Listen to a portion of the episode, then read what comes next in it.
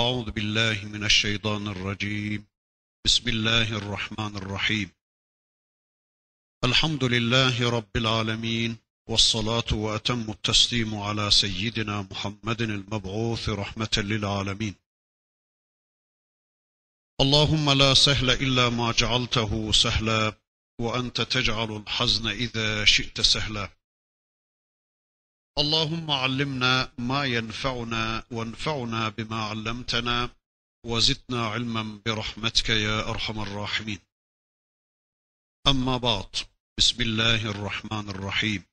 واتبعوا ما تتلو الشياطين على ملك سليمان وما كفر سليمان ولكن الشياطين كفروا يعلمون الناس السحر وما أنزل على الملكين ببابل هاروت وماروت وما يعلمان من أحد حتى يقولا إنما نحن فتنة فلا تكفر. فيتعلمون منهما ما يفرقون به بين المرء وزوجه وما هم بضارين به من أحد إلا بإذن الله. ويتعلمون ما يضرهم ولا ينفعهم. ولقد علموا لمن اشتراه ما له في الآخرة من خلاق ولبئس ما شروا به أنفسهم لو كانوا يعلمون. ولو أنهم آمنوا واتقوا لمثوبة من عند الله خير لو كانوا يعلمون. يا أيها الذين آمنوا لا تقولوا راعنا وقولوا انظرنا واسمعوا وللكافرين عذاب أليم. ما يود الذين كفروا من أهل الكتاب ولا المشركين أن ينزل عليكم من خير من ربكم؟ والله يختص برحمته من يشاء والله ذو الفضل العظيم. ما ننسخ من آية أو ننسها نأتي بخير منها أو مثلها؟ ألم تعلم أن الله على كل شيء قدير. إلى آخره صدق الله العظيم. Bakara suresinin 102. ayetine gelmiştik geçen dersimizde. Bundan önceki ayetlerinde Rabbimiz İsrailoğullarının kitaplarını arkalarına attıklarını, kitaplarıyla diyaloğu kestiklerini, kitaplarının emir ve yasaklarına karşı vurdum duymaz bir tavır takındıklarını anlatmıştı. Bu bölümde de Rabbimiz kitapla ilgiyi kesen bir toplumun onun yerini dolduracak başka şeylerin peşine takıldığını, kitapla ilgiyi kesen İsrailoğullarının sihir gibi şeylerin peşine takıldıklarını anlatacak. Bakın Bakara suresinin 102. ayetinde Rabbimiz şöyle buyuruyor. وَاتَّبَعُوا مَا تَتْلُ الشَّيَاطِينُ عَلَى مُلْكِ Süleyman. Bu Yahudiler, bu İsrailoğulları kitapla diyaloğu kestikten sonra, kitabı arkalarına attıktan sonra ya da işte kitabı az muracat edilecek, az okunacak bir konuma getirdikten sonra bakın diyor ki Rabbimiz onlar Süleyman mülkü aleyhine şeytanların uydurdukları şeylerin ardına düştüler. Elbette Allah'ın vahyi, Allah'ın kitabı bırakılınca, yani kitap arkaya atılınca, kitap kenara alınınca, elbette başka şeyler gündeme gelecekti. Elbette şeytan vahiyleri devreye girecek, şeytan vahiyleri gündeme gelecekti. Tıpkı şu anda gece Allah'ın kitabını bir kenara attıkları için, gece Allah'ın kitabıyla diyaloglarını kestikleri için, şeytan vahyi olan televizyonun kimi Müslümanların hayatında gündeme geldiği gibi. İşte bunlar da Allah'ın vahyini bir tarafa bıraktılar ve şeytanların uydurmuş oldukları sihir kitaplarına, işte göz boyayıcılık işlerine uymaya başladılar. Bunların peşine takıldılar. Allah diyor ki bakın وَمَا kefara Süleymanu velakinne şeyatine keferu. Halbuki Süleyman asla kafir olmadı. وَمَا kefara Süleyman. Süleyman asla kafir olmadı. وَلَكِنَّ şeyatine keferu. Lakin şeytanlar kafir oldular. Bu ayette Süleyman Aleyhisselam'ın asla ne sihirle ne de küfürle ilgisinin olmadığı anlatılır. Ve sihir yaptıkları ve bunu başkalarına öğrettikleri için de şeytanların kafir oldukları anlatılmaktadır. Yuallimûnen nâse sihra onlar yani şeytanlar insanlara sihri öğretiyorlardı. Şeytanın aslı küfür olduğundan küfür başa alınmış. Yani bu yaptıkları sihir küfürle beraber olan bir sihirdir. وَمَا unzile alel melekeyni bi babile Harut ve Marut buradaki ma ya nafiyedir. O zaman mana şöyle olacaktır. وَمَا unzile alel melekeyni bi babile Harut ve Marut. Babil'deki Harut ve Marut isimli iki meleğe hiçbir şey indirilmemiştir. Ma nafiye olduğu zaman böyle bir anlam vereceğiz. وَمَا unzile alel melekeyni bi Babile Harut ve Marut Babil'deki iki meleğe hiçbir şey indirilmemiştir. Ya da buradaki ma ismi mevsuldür. O zaman mana şöyle olacaktır. وَمَا unzile alel melekeyni bi Babile Harut ve Marut Şeytanlar insanlara sihri öğretiyorlardı ve Babil'de iki meleğe indirilen şeyi öğretiyorlardı. Halbuki bu iki melek وَمَا يُعَلِّمَانِ مِنْ أَحَدٍ حَتَّى يَقُولَا اِنَّمَا نَحْنُ فِتْنَةٌ فَلَا تَكْفُرْ Bu iki melek biz ancak imtihan için gönderildik. Sakın küfretme demedikçe hiç kimseye bir şey öğretmiyorlardı. Devam ediyor Rabbimiz فَيَتَعَلَّمُونَ مِنْهُمَا مَا يُفَرِّقُونَ بِهِ بَيْنَ الْمَرْءِ وَزَوْجِهِ Onlardan o iki melekten karı ile kocasının arasını açacak şeyler öğreniyorlardı. Yani bu öğrendikleri şeyler arasında bunlar da vardı. وَمَا هُمْ بِطَارِّينَ بِهِ مِنْ أَحَدٍ إِلَّا بِإِذْنِ اللّٰهِ Halbuki bunlar Allah'ın izni olmadıkça bu sihirle hiç kimseye zarar verebilecek değillerdi. Yani Allah'ın bilgisi, Allah'ın izni ve iradesi olmadıkça bunların yapabilecekleri hiçbir şey yoktu diyor Rabbimiz. وَيَتَعَلَّمُونَ مَا يَضُرُّهُمْ وَلَا يَنْفَعُهُمْ Onlarsa kendilerine ne bir fayda ne de bir zarar vermeyecek şeyler öğreniyorlardı. Ya da bu ayetin bir başka manası da şöyle olacaktır sadece zarar verecek ve asla faydası olmayacak şeyler öğreniyorlardı.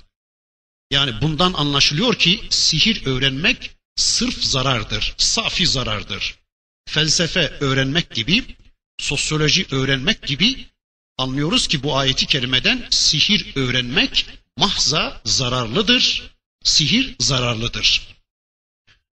وَلَقَدْ عَلِمُوا لَمَنْ اشْتَرَاهُ مَا لَهُ فِي الْآخِرَةِ مِنْ خَلَاقٍ Andolsun ki onlar bu sihri satın alan kimseler için ahirette hiçbir nasibin olmadığını da biliyorlardı.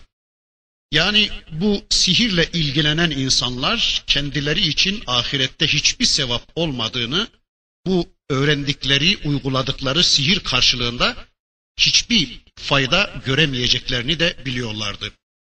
وَلَبِئْسَ مَا شَرَوْ بِهِ اَنْفُسَهُمْ لَوْ كَانُوا يَعْلَمُونَ Nefisleri karşılığında satın aldıkları şeyin ne kadar kötü olduğunu keşke bir bilebilselerdi. Yani kitaplarını arkaya atarak sihirle uğraşmalarının onlara nelere mal olacağını keşke bir anlayabilselerdi. Kendilerine verilen kitabın ne kadar değerli bir kitap olduğunu bilemediler de tutup sihrin peşinde koştular. Kitabı terk ettiler, kitapla ilgiyi kestiler, kitaplarıyla diyaloglarını kestiler de kendilerine hiçbir fayda sağlamayacak sihrin peşine takıldılar. Bunlar bu kadar bilgisiz kimselerdir diyor Rabbimiz. Yani eğer onların kendisiyle amel edebilecekleri kitap sünnet bilgileri olsaydı onunla amel ederlerdi demektir bunun manası. Ama heyhat ki onların amel edebilecek kadar kitap sünnet bilgileri olmadığı için ellerinde kitapları var Önlerinde peygamberlerinin apaçık hayatı, sünneti durmaktadır. Ama buna rağmen kitapla ilgiyi kesmiş, peygamberlerinin sünnetiyle ilgiyi kesmiş bu toplum kitap ve sünnet bilgileri olmadığı için de e, başka yapacak bir şeyleri kalmamıştı. Bununla amel etmeye yöneldiler. Yani kitapsız hayatlarını, peygambersiz hayatlarını sihirle doldurmaya çalıştılar. Rivayetlere bakılırsa kahinler bir dönem işte cinlerden ve şeytanlardan öğrendikleri bilgileri kitap haline getirmişler. Yani büyük kitapları oluşturmuşlar. Bunu insanların arasında yaymaya çalışmışlar. Nihayet Süleyman Aleyhisselam peygamber olarak gelince tüm bu kahinleri etkisiz hale getirmiş ve onların yazdıkları bu kitapları toplatarak bir yere gömdürmüştür. Ama Süleyman Aleyhisselam'ın vefatından kısa bir süre sonra şeytan insan suretinde toplumun arasında görülür. Topluma der ki şeytan, Süleyman'ın yeryüzündeki kuşa kurda hakimiyetinin sebebini sizlere söyleyeyim mi? İşin aslı şu ki Süleyman Aleyhisselam zannettiğiniz gibi bir peygamber değil, o büyük bir sihirbazdır. Çünkü şeytanları, cinleri, rüzgarları, kuşları, kurtları, hayvanları hepsini sihirle büyüleyip teslim almıştı. Tüm bu varlıklara hükmetmesinin altında onun bu büyük sihirbaz oluşu yatmaktadır. Yani o ne yapmışsa Süleyman peygamber neyi becermişse bu büyük sihir sayesinde yapmıştır. Eğer bu söylediklerimin ispatını isterseniz diyor şeytan, benden bu söylediklerimin ispatını, delilini isterseniz o zaman onun kitapları işte şurada, onun kürsüsünün altında gizlidir. Kazın onu bulacaksınız der. Adamlar açtılar kürsünün altından gerçekten bir kısım büyük kitapları çıkardılar. Halbuki Süleyman Aleyhisselam daha önceki büyücülerin kitaplarını, sihirbazların kitaplarını toplamış, onları etkisiz hale getirebilmek için oraya gömdürmüştü Süleyman Aleyhisselam. İşte insanlar şeytanın bu sözüne kapılarak açtılar. Gerçekten kürsünün altında bir kısım büyük kitapları çıkardılar. İşte insanlar Süleyman Aleyhisselam'ın mülkü üzerine şeytanların uydurdukları, ortaya çıkardıkları batıl şeylerin ardına düştüler ayetiyle bu anlatılıyor. Yani Hazreti Süleyman'ın bir sihirbaz olduğunu, onun bir peygamber olmadığını söylüyordu Allah düşmanı Yahudiler. Ama Allah bu ayetiyle bunun böyle olmadığını, Süleyman Aleyhisselam'ın ne sihirle ne de küfürle hiçbir zaman ilgisinin bulunmadığını haber veriyor. Yani aslında bu haliyle sihir bir küfür olup Süleyman Aleyhisselam sihir yaparak asla küfretmemiştir. Ama ona sihirbaz diyen şeytanlar kafir olmuştur denilmektedir. Peki acaba bu şeytanlar insanlara sihir öğreterek insanları yoldan çıkarıyorlardı. Yani bunların derdi neydi? Bunların derdi İsrail oğullarını yoldan çıkarmaktı. Böylece İsrail oğulları sihirbazlığa yöneli verdiler. Zira Mısır'dan beri İsrail oğullarının arasında sihir biliniyordu. Kölelik dönemlerinden yani Mısır'dan kalma İsrail oğullarında sihir bilgisi vardı. Bilhassa işte eski devletlerini kaybedip de diğer milletlerin kölesi durumuna geldikten sonra onların bu tür şeylere sarıldıklarını görüyoruz. Yani kitaplarını arkalarına atınca yapacakları bir şey kalmamıştı zaten. Ama utanmadan bunu Süleyman Aleyhisselam'a da izafe ederek buna meşruiyet kazandırmaya çalışıyorlardı. Yani uydurdukları bu sihiri Süleyman peygambere de izafe ederek Süleyman Aleyhisselam'ın da sihirbaz olduğunu söyleyerek böylece sihire meşruiyet kazandırmaya çalışıyorlardı. Uydurdukları bu şeyin işte bir kökü, bir dayanağı olmadığı için bunu Süleyman Aleyhisselam'a dayandırmaya çalışıyorlardı. Din de böyle diyor efendim. Kitap da böyle buyuruyor efendim diyerek bu işe meşruiyet kazandırmayı amaçlıyorlardı. Günümüzde de işte kimi insanları görüyoruz. Şeytan yapımı demokrasi gibi karıyla kocanın arasını ayıran aynen sihir gibi. Sihirde işte Allah az evvel anlattı. Onlar karıyla kocanın arasını ayıracak şeyleri öğreniyorlardı demişti ya Rabbimiz. İşte günümüzde de işte bir demokrasi çıkardılar. Karıyla kocanın arasını ayıran, babayı evlada, evladı babaya düşman yapan, kardeşle kardeşin arasını açıp onları işte fırkalaştıran sistemleri ortaya çıkarıp bunları kitabın yerine ikame ettikten sonra kimileri buna bir de işte halkın gözünü boyayabilmek için e, din de böyle diyor efendim. Kur'an da demokrasiden yanadır. Yani Kur'an da aynen demokratik bir sistem önermektedir diyerek Allah korusun tıpkı Yahudilerin sihiri Hazreti Süleyman peygambere izafe ederek ona meşruiyet kazandırmaya çalıştıkları gibi bugün kimileri de demokrasiye meşruiyet kazandırmaya çalışmaktadırlar. Yani kitap ve sünneti arkasına atan Müslümanlar bu tür şeylerin peşine takılı verdiler. E başka çareleri de yoktu zaten. Yani amel edebilecek ortada kitap ve sünnet olmayınca, kitapla diyalogları kesilince, peygamberle diyalogları kesilince, yani amel edecek, hayatlarını düzenleyecek kitap ve sünnet olmayınca elbette bu tür şeylerin peşine takılacaklardı insanlar. Dün İsrailoğulları sihirin peşine takılmıştı. Bugün İsmailoğulları aynen onlar gibi kitabı arkalarına attıkları için kitapsız ve peygambersiz hayatlarını işte aynen sihir gibi insanların uydurduğu demokrasiyle doldurmaya çalışıyorlar. Bilelim ki hiçbir toplum kitapsız ve kuralsız yaşayamaz. Kitaplarını terk eden, kitaplarını arkasına atan bir toplum elbette başka kitaplar bulmak zorunda kalacaktır. Birileri de işte onlara onların bu tür ihtiyaçlarını karşılayıvermişler. Kitap mı arıyorsunuz, sistem mi arıyorsunuz? Alın size sistem, alın size kitap diye birileri de onların karşılarına bir kitap çıkarıvermiş, bir sistem çıkarıvermiş.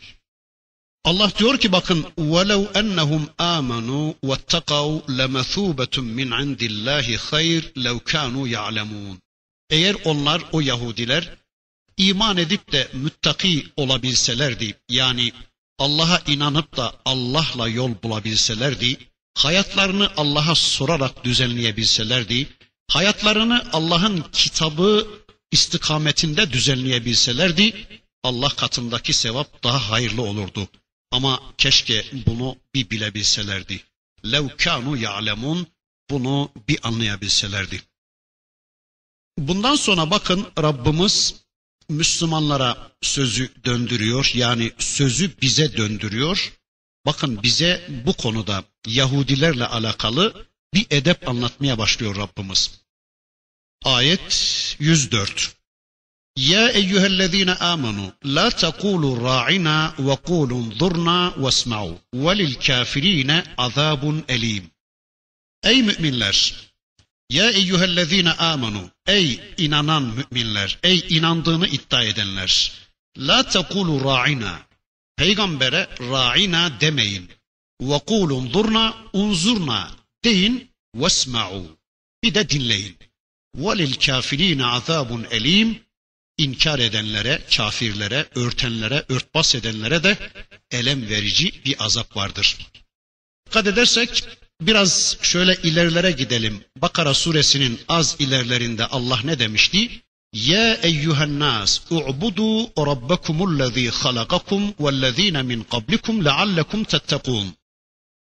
Ey insanlar! Bakın Rabbimiz orada ey insanlar diye hitap etmişti. Ey insanlar! Sizi ve sizden öncekileri yaratan Rabbinize kulluk edin. Umulur ki böylece korunmuş olursunuz. Böylece Allah'la yol bulmuş olursunuz. Böylece yolunuzu Allah'ın kitabıyla bulmuş olursunuz demişti. Yani ey insanlar Rabbinize kul olun. Rabbinize kulluk edin buyurmuştu. Yani bütün insanlığı kendisine kulluğa çağırmıştı Rabbimiz. Daha sonra biraz daha ilerlerde ya Beni İsrail buyurarak ehli kitabı bu kitaba imana çağırmıştı Rabbimiz. Şimdi de bakın ya eyyühellezine amenu buyurarak yani ey Müslümanlar diyerek Müslümanlara hitap etmeye başladı Rabbimiz. Yani bize seslenmeye başladı ve bakın bu ayetiyle Rabbimiz bize bir edep anlatıyor. Ya eyyühellezine amenu la tekulu ra'ina ve kulun zurna vesma'u. Ey müminler!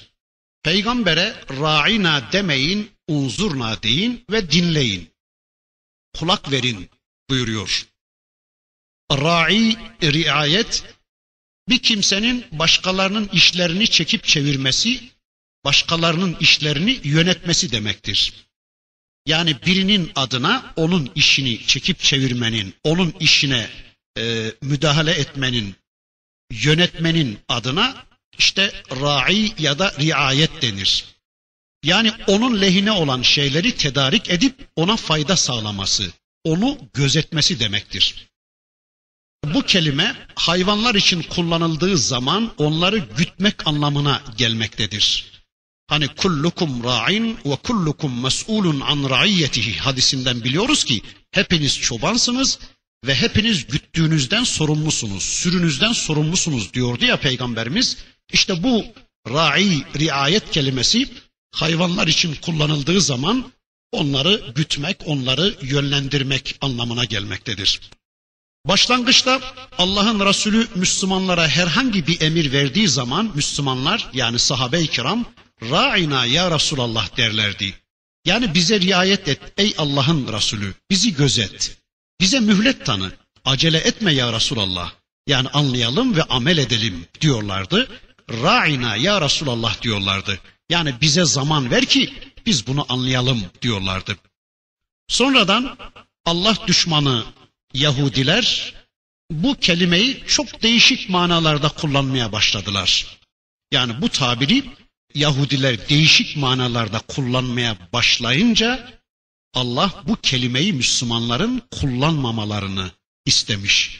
La tekulu ra'ina ve kulun durna. Böyle demeyin. Ey Müslümanlar ra'ina demeyin. Unzurna deyin. Ve söze de iyi kulak verin. Dikkatlice dinleyin demiş Rabbimiz.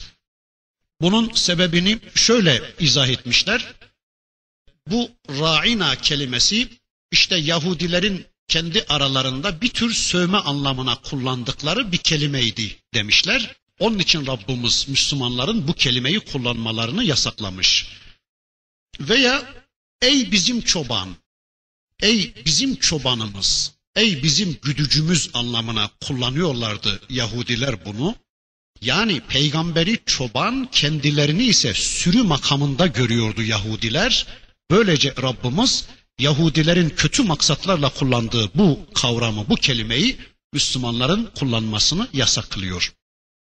Veya İbranice'de bu kelimenin anlamı şöyleymiş, duy duymaz olası, dinle dinlemez olası, dinle dinlenmez olası, dinle sözü dinlenmez herif gibi hakaret ifade eden bir kelimeymiş bu. Yahudiler hem karşısındakine sövmek hem de hakaret etmek kastıyla bu kelimeyi kullanmaya başlayınca Cenab-ı Hak Müslümanların bu kelimeyi kullanmalarını yasaklayıverdi. Bir de bu kelime sen bize riayet et, biz de sana riayet edelim. Yani sen bizim sözümüze kulak ver ki biz de sana riayet edelim. Yani sen bizi dinle ki ey Muhammed biz de seni dinleyelim. Yani biz de senin sözünü dinleyelim şeklinde pazarlıklı bir ifade anlamına geliyormuş. Yani böyle peygamberin konumunu rencide edici, anlaşmalı, eşit bir riayet talep ediyordu Allah düşmanı Yahudiler. Halbuki Resulullah'ın ümmeti arasındaki ilişkisi öğretmen öğrenci ilişkisine benzemez ya da usta çırak ilişkisine asla benzemez. Yani sen bizi dinle ey Muhammed, bizi dinlediğin kadar biz de seni dinleyelim. Sen bizim sözümüze ne kadar kulak verirsen biz de senin sözüne o kadar kulak veririz. Sen bizim hayatımızı ne kadar beğenirsen e biz de senin hayatını ya da bize getirdiğin mesajlarını o kadar beğeniriz gibi böyle eşit bir zemin arıyorlardı, uzlaşma arıyorlardı Allah düşmanları. Bakın bu konuda bunu anlatan başka ayetler de var Kur'an-ı Kerim'de. Bunu yasaklayan ayetler de var. Mesela Nur suresinde bir ayet-i kerimesinde Rabbimiz şöyle buyuruyor. La tec'alu dua'er rasuli beynekum ke duai ba'dıkum ba'da. Allah diyor ki bakın orada sakın ha o Resulü kendi aranızda birbirinizi çağırdığınız gibi çağırmayın. Yani bir arkadaşınızı çağırdığınız gibi, bir eşinizi, bir dostunuzu çağırdığınız, bir eşinize, bir dostunuza hitap ettiğiniz gibi sakın ha peygambere öyle hitap etmeyin. Gibi yani bunu yasaklayan ayetler de var. Ray bir de hayvanlarla ilgili bir sözdür. Demin de ifade ettim. Yahudiler bu kelimeyi kullanırlarken şöyle diyorlardı bakın peygamberimize. Biz senin ne dediğini anlayamıyoruz. Yani biz bunu anlamaktan uzağız demeye getiriyorlardı. Yani ey Muhammed biz sürüleriz demeye getiriyorlardı da Allah buyurdu ki ey Müslümanlar sizler Yahudiler gibi bu Allah düşmanı lanetlik toplum gibi peygamber karşısında sürüler kesilmeyin. Kur'an karşısında sürüler kesilmeyin.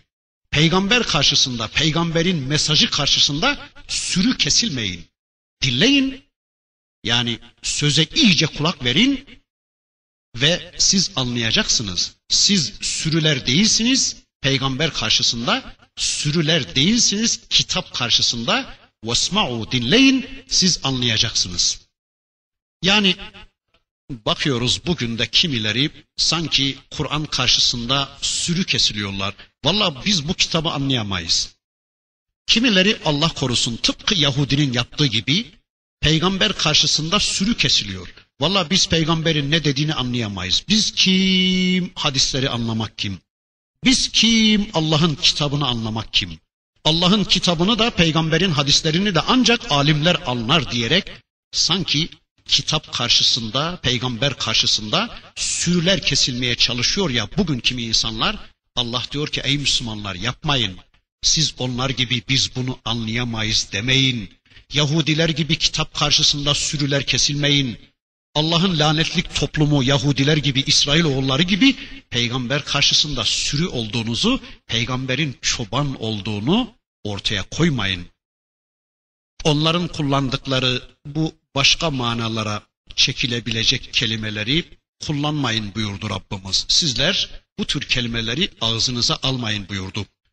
Öyleyse bugün bizler de bir konunun anlatımında kullandığımız kelimelere çok dikkat etmek zorundayız. Zira insanlar onunla kendi nanelerine kılıf bulmasınlar. Mesela Mevlana aşkı ilahiyi şarapla anlatmış diye bugün insanlar onun ihtifallerine kafayı çekerek geliyorlar. Anlatmaz komaz olsun. Aşkı ilahi yani Allah aşkını keşke başka cümlelerle, başka ifadelerle anlatsaydı da şarapla anlatmasaydı.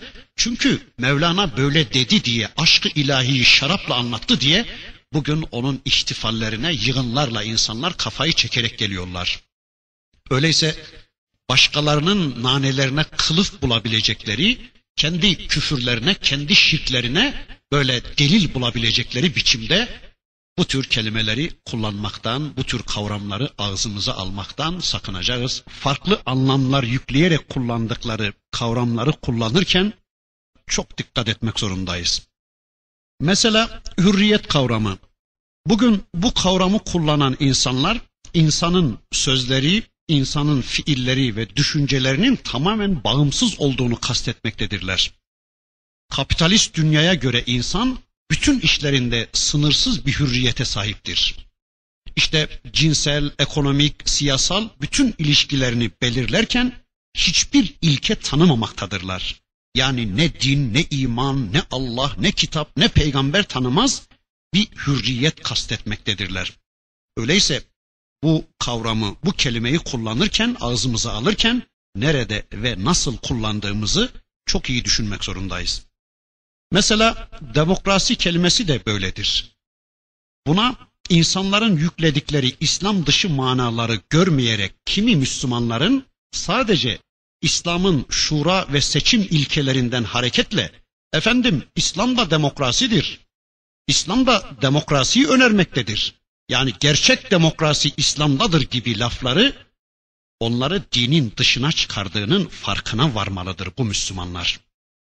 İşte bu ayeti kerimeden anlıyoruz ki bizler bu tür kavramları kullanırken çok dikkatli davranmak zorundayız.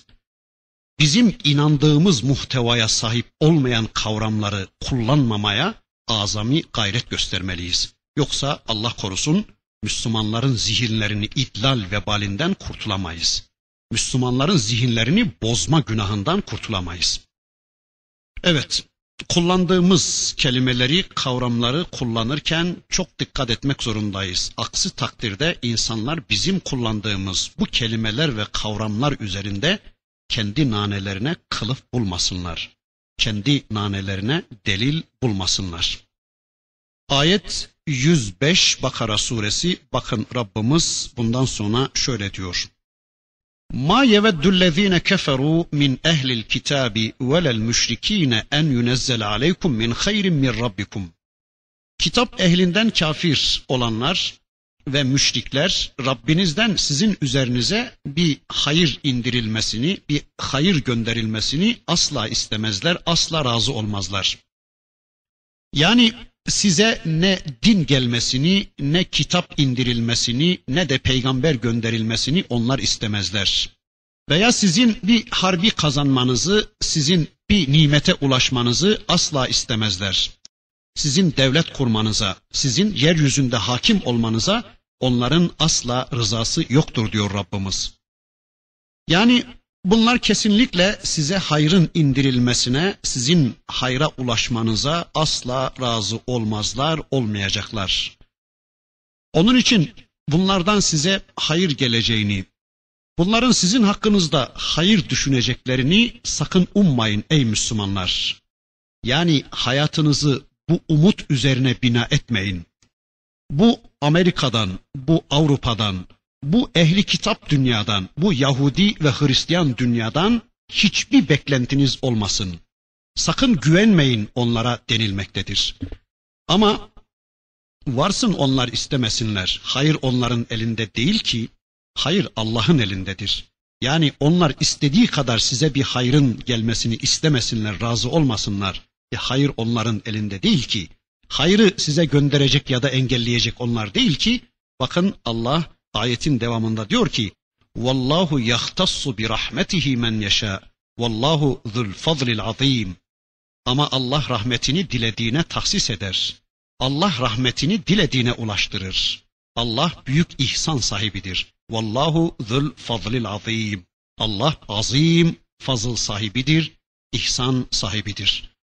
Yani o Allah ki rahmetini dilediğine verendir ve Allah büyük fazıl sahibidir buyurduktan sonra arkadaşlar onların kitabın tamamına itiraz etmek için e, fer'i hükümlere itiraz ettiğini anlatmaya başlayacak Rabbimiz. Yani ehli kitabın Kur'an'ın tümünü reddedebilmek için fer'i hükümleri reddettiklerini ya da reddetmeye çalıştıklarını anlatacak kitabın bildirdiği nesih konusuna itiraz ettiklerini gündeme getirmeye başlayacak Rabbimiz. Bakın Kur'an-ı Kerim'de nesih de vardır. Kur'an-ı Kerim'de nasih ve mensuh da var.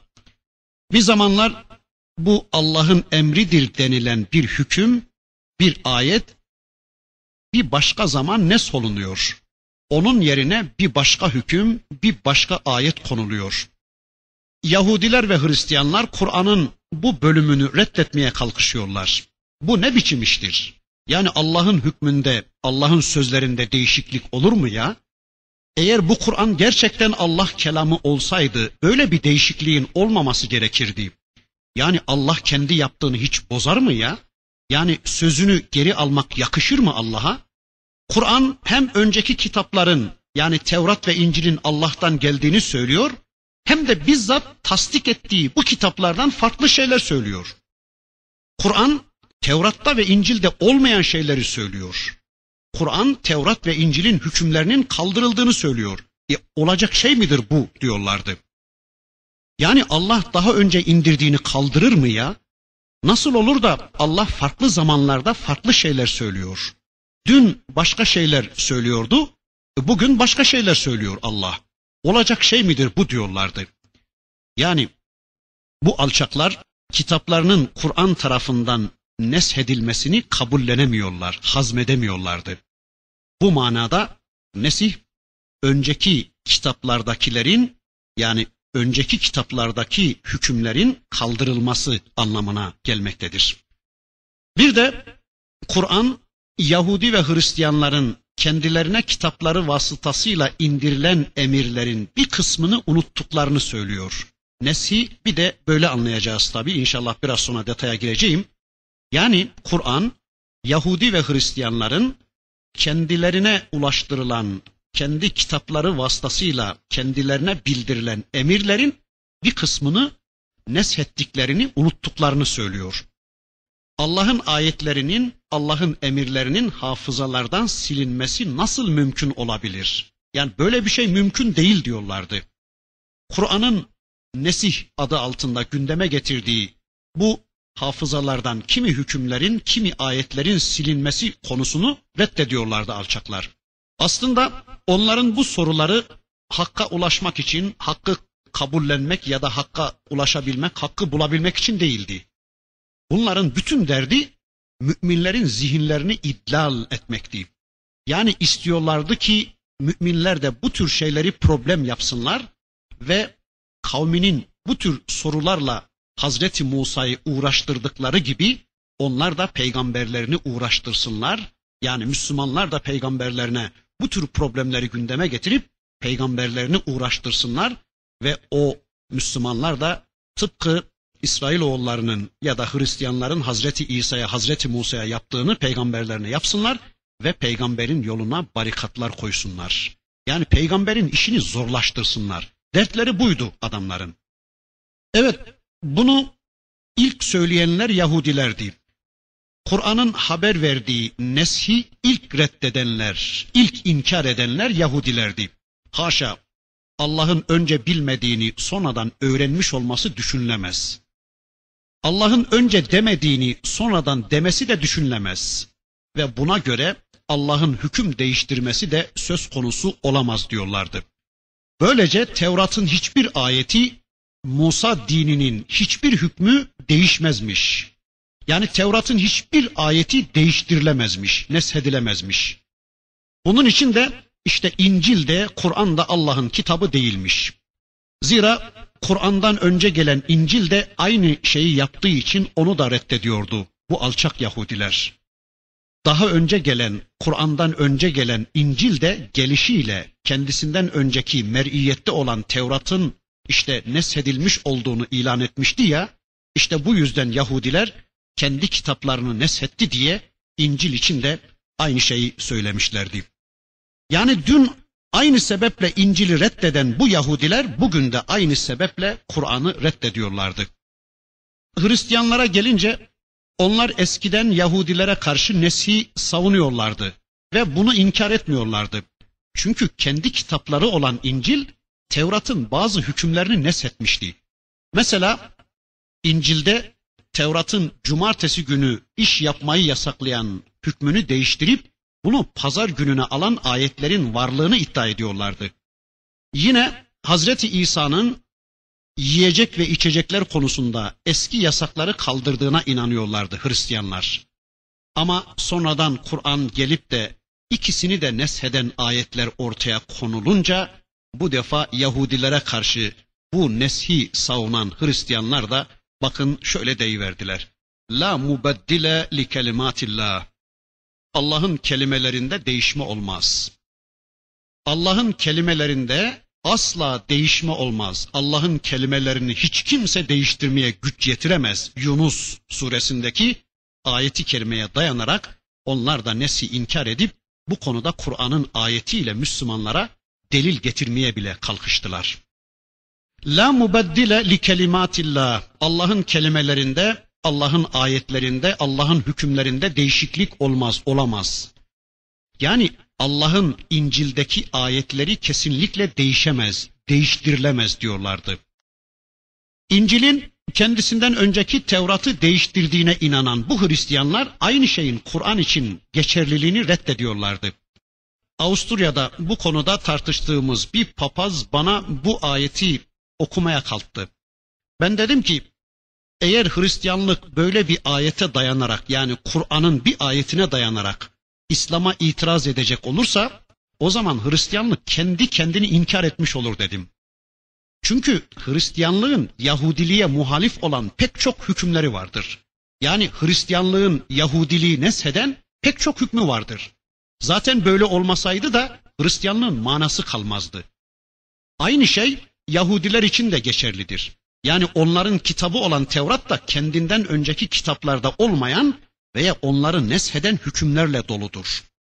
Ehli kitabın bu itirazlarına karşı bakın Rabbimiz buyurur ki ma nensah min ayetin ev nunsiha ne'ti bi hayrin minha ev misliha elem ta'lem ennallaha ala kulli şeyin kadir. Bakara suresi ayet 106.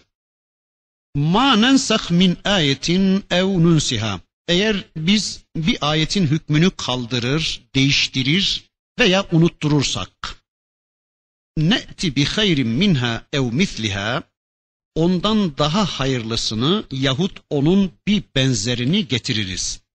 E lem ta'lem ennallaha ala kulli şeyin kadir bilmez misiniz ki Allah her şeye kadirdir.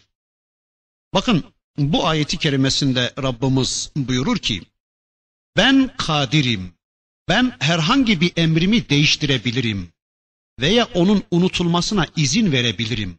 Fakat onun yerine aynı amacı sağlayacak ondan daha iyisini veya ona denk olanı koymaya ben kadirim diyor Allah. Yani bakın burada ehli kitap Kur'an'ın öteki kitapların hükmünü kaldırdığını kabul edemiyorlardı. Bunun Cenab-ı Hakk'a bir hikmetsizlik izafesi olduğunu söylüyorlardı. Halbuki bakıyoruz ki Cenab-ı Hak bu ayeti kerimesinde hem bunu diyenlere cevap veriyordu hem de Müslümanlara hükümleri aşamalar halinde belirlediğini beyan ediyordu. Yani şöyle söyleyelim, Cenab-ı Hak geçici bir zaman maslahatını esas alarak bir hüküm belirleyebilir. Fakat insanlara bunun geçici bir maslahat olduğunu, geçici bir hüküm olduğunu bildirmeyebilir. Ve de o hükmü ileride değiştireceğini bildirmeyebilir. Tabi o hükümle muhatap olan insanlar da onun sürekli bir hüküm olduğunu düşünebilirler. Ama sonradan önceki maslahat dönemi bitip yeni bir maslahat dönemi başlayabilir ki yeni bir hükmün gelmesine zemin hazırlanmış olsun. Bakın Allah diyor ki Ennallâhe ala kulli şeyin kadir. Allah her şeye kadirdir. Yani böyle bir Allah niye güç getiremez ki? Bundan sonra diyor ki yine Rabbimiz bu hususu anlatırken Elem ta'lem ennallâhe lehu mulkus semavati vel ard ve ma lekum min dunillahi min veliyyin ve la nasir. Bilmez misiniz ki göklerin ve yerin mülkünün sahibi Allah'tır. Ve size Allah'tan başka ne bir dost ne de bir yardımcı vardır. Yani Allah diyor ki bir bakın ki bu koskoca alemde her gün, her gece, her saat, her dakika neler yapılıyor, neler yıkılıyor. Neler icat ediliyor bu koskoca alemde ne imhalar yapılıyor. Yani ne hikmetler ortaya konuluyor. Yıkılanların yerine peyderpey yenilerin geldiğini, eskiyenlerin yerini yenilerin doldurduğunu görüyoruz. Bu nesih konusunu böyle anlıyoruz. Yani bir önceki kitapta olanların bir sonraki kitapla kaldırılması, onun yerine onun fonksiyonunu icra edecek ondan daha güzel veya onun gibi başka hükümlerin konulması şeklinde anlıyoruz. Bir de bizzat Kur'an'ın kendisinde nesih vardır diyenler var, yoktur diyenler var. Bunun münakaşasına burada girmek istemiyorum. Çünkü biz burada nesi anlatmak için değil, Bakara'yı anlatmak için varız. Bence zorlandığımız amele yönelik bir konu olmaktan çok lüks bir tartışmadan başka bir şey değildir bu. Gariptir, hiç olmayan bir Bakara suresinin olmamasını yadırgamayan Müslümanlar var olanın kaybolmasını yadırgıyorlar. Yani Allah için söyleyin. Sanki Müslümanların hayatında Bakara var mı? Ondan 3-5 ayet nes olmuş, kaldırılmış ya da kaldırılmamış. Yani Bakara'nın var olmamasını yadırgamayan Müslümanlar ondan birkaç ayetin kaldırılmış ya da kaldırılmamış olduğunu yadırgamaya çalışıyorlar. Tıpkı çocukları yokken aman bir çocuk filan derken nur topu gibi bir çocuk veriyor Allah. Bu çocuk bir an kayboluyor. Yani ölü veriyor. Alı veriyor Allah onu geriye. O zaman da feryadı, çığlığı basıyorlar. Aman ne oldu şimdi buradaydı diye. E öyle değil miydi yani? Allah varı yok eder, yoku da var ederdi ya zaten. İşte böyle zihinlerdekini de alıveriyor Allah. Olur mu bu? E, olur elbette. Zihinlerdekini var eden Allah, zihinlerdekini yok edebilir de elbette. Bu bize göre ters geliyor belki. E sana göre tersse fark etmez ama eğer bu iş Allah'a göre ters ise o zaman deriz ki ya Rabbi sen burada böyle demiştin, burada da böyle dedin. E bu dediğine göre bu dediğin olmadı diyelim. Tamam, kabul o zaman. Ama öyle değil de bu iş Allah'a göre ters değil de bize göre tersse, sana göre tersse o zaman sen kendin düzelecek ve tersliği terk edeceksin diyoruz. Adam diyor ki efendim kimi neshedilen ayetler amele yönelik ayetlerdir. E, şimdi bu ayetler neshedilince nasıl amel edeceğiz yani? E peki kim dedi bunların amele yönelik olduğunu? Eğer Allah demişse ki i'melu bihazel ayeti.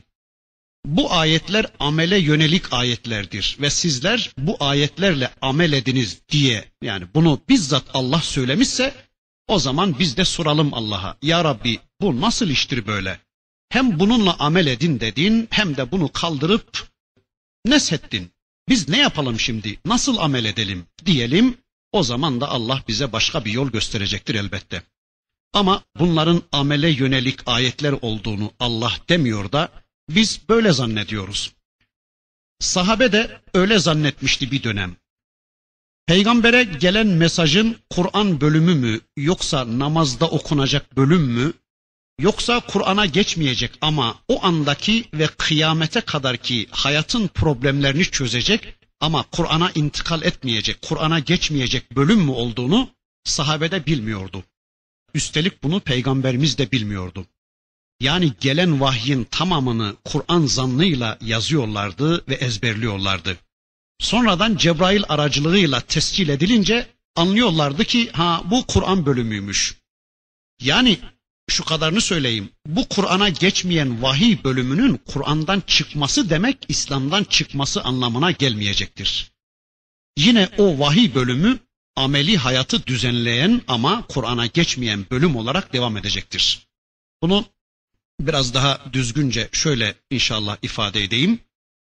Cenab-ı Hak kullarının hayatlarına karışmayı murad etmiş ve bu konuda da peygamberi odak nokta seçmiştir.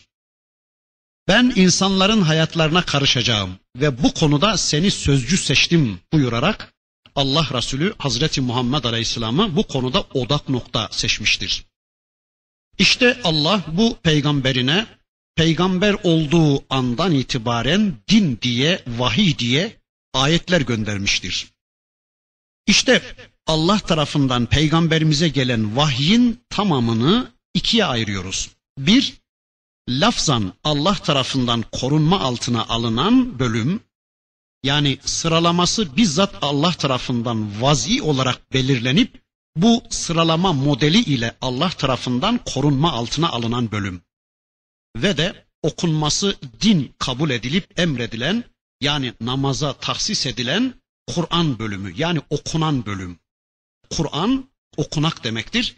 İşte peygamberimize gelen vahyin bir bölümünü böylece Kur'an bölümü diye ayırıyoruz. Namaza taksis edilen okunan bölüm diye ayırıyoruz. E, vahyin geri kalan bölümünü de ikinci bölüm olarak değerlendiriyoruz. Yani muhtevası korunma altına alınmış ama lafzı korunma altına alınmamış. Yani Kur'an bölümüne geçmemiş, okumaya taksis edilmemiş bölüm hayatı düzenlemiş, o günün problemlerini halletmiş ama Kur'an-ı Kerim'e geçmemiş vahiy bölümü. Peki bu ayrımı nasıl yaptık? Yani delilimiz nedir bu konuda? Buna delilimiz şudur.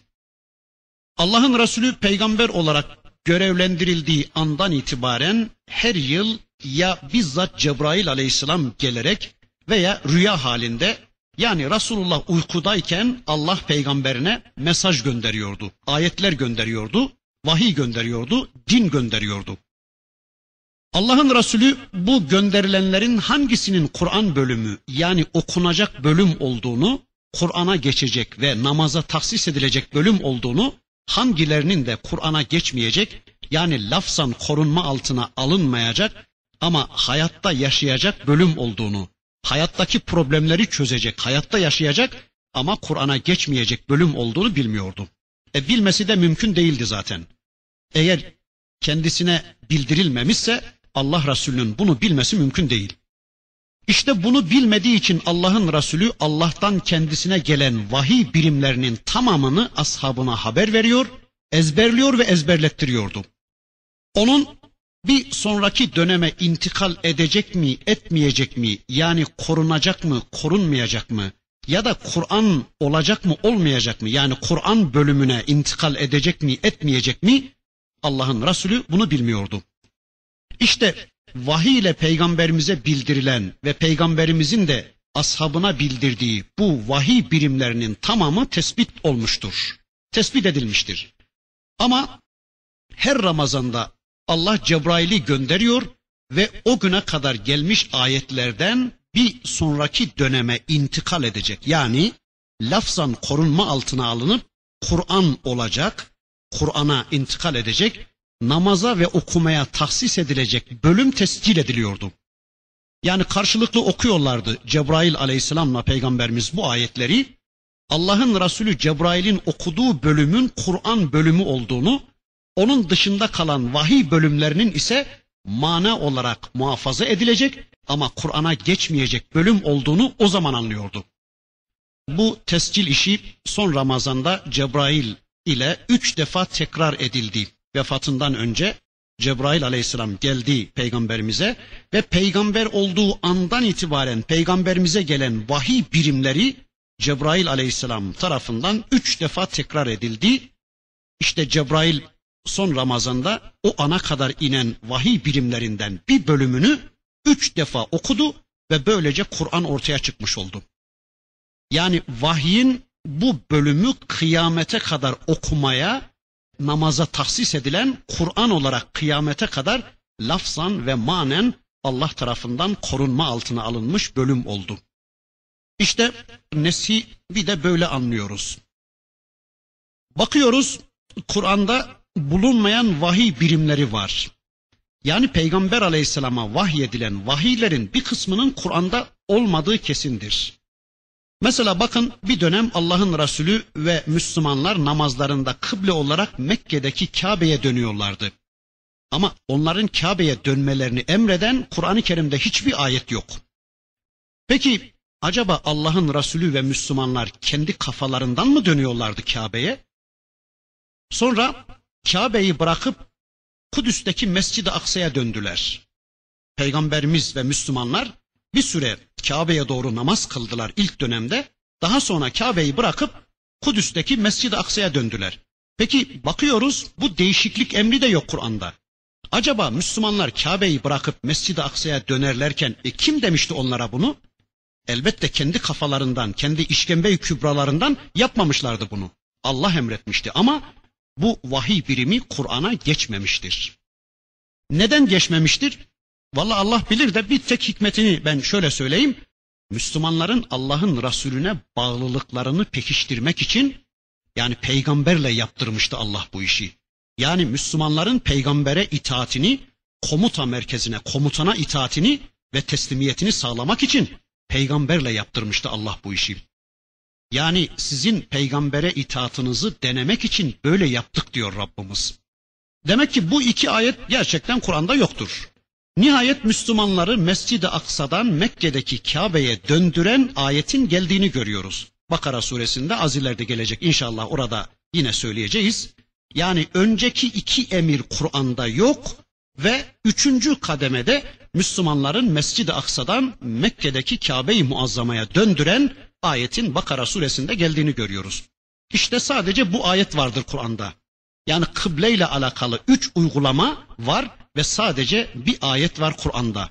Demek ki öteki iki vahiy birimi Kur'an'a geçmemiştir diyoruz. Yine bakıyoruz Mekke'nin fethiyle ilgili rüyada gelen vahiy birimi de Kur'an'da yoktur. Allah rüyasında her şeyi Resulüne göstermiş. İşte müşriklerin kendilerini Hudeybiye denen yerde durduracaklarını, o yıl haç için Kabe'ye sokmayacaklarını, aralarında bir anlaşma yapılacağını, daha sonra bu Müslümanlar adına ağır şartlar taşıdığı zannedilen bu anlaşmayı kendilerinin bozacağını ve nihayet Mekke'nin fethedileceğini tümüyle rüyasında Rabbimiz peygamberine göstermişti. Hatta bunu bilmeyen sahabe Allah'ın Resulüne itiraz edecek noktaya gelirlerken Allah'ın Resulü arkadaşlar son derece rahattı. Yani o zahiren aleyhlerineymiş gibi görünen anlaşmanın altına imza atarken Allah'ın Resulü son derece rahattı. Çünkü Allah ne olup biteceğini daha önceden peygamberine rüyasında göstermişti. Bakın ayeti kerimenin yerini şu anda hatırlayamadım. Allah diyor ki: "Lekad sadakallahu rasulehu ru'ya bil hakkı." لَتَدْخُلَنَّ الْمَسْجِدَ الْحَرَامَ اِنْ شَاءَ اللّٰهُ آمِنِينَ Yemin olsun ki Allah peygamberine o rüyayı doğru gösterdi. Ya da Allah peygamberine gösterdiği rüyayı doğru çıkardı. Yani Allah'ın gösterdiği rüya doğru çıktı. Yemin olsun ki inşallah Mescid-i Haram'a mutlaka emniyet içinde gireceksiniz. Bakın burada Allah diyor ki Allah'ın peygamberine gösterdiği rüya doğru çıktı. Peki hani ne o? Hani nerede bu rüya? Yani biliyoruz ki rüya da vahiydir. Allah'ın Resulüne gelen vahiylerden pek çoğu rüya halinde gelmiştir. Ama bakıyoruz ki Rabbimizin sözünü ettiği bu vahiy birimi Kur'an'da yoktur. Öyleyse yani o gün problemi halletmiş bu vahiy birimi ama lafzen ve manen korunma altına almamış vahiy bölümüdür diyoruz. Yani Kur'an'a geçmemiş vahiy bölümüdür diyoruz. Vaktimiz yine doldu. İnşallah burada kalalım. Gelecek dersimizde yine bir şeyler söyledikten sonra Rabbimizin öteki ayetlerini hep birlikte tanımaya geçmek üzere.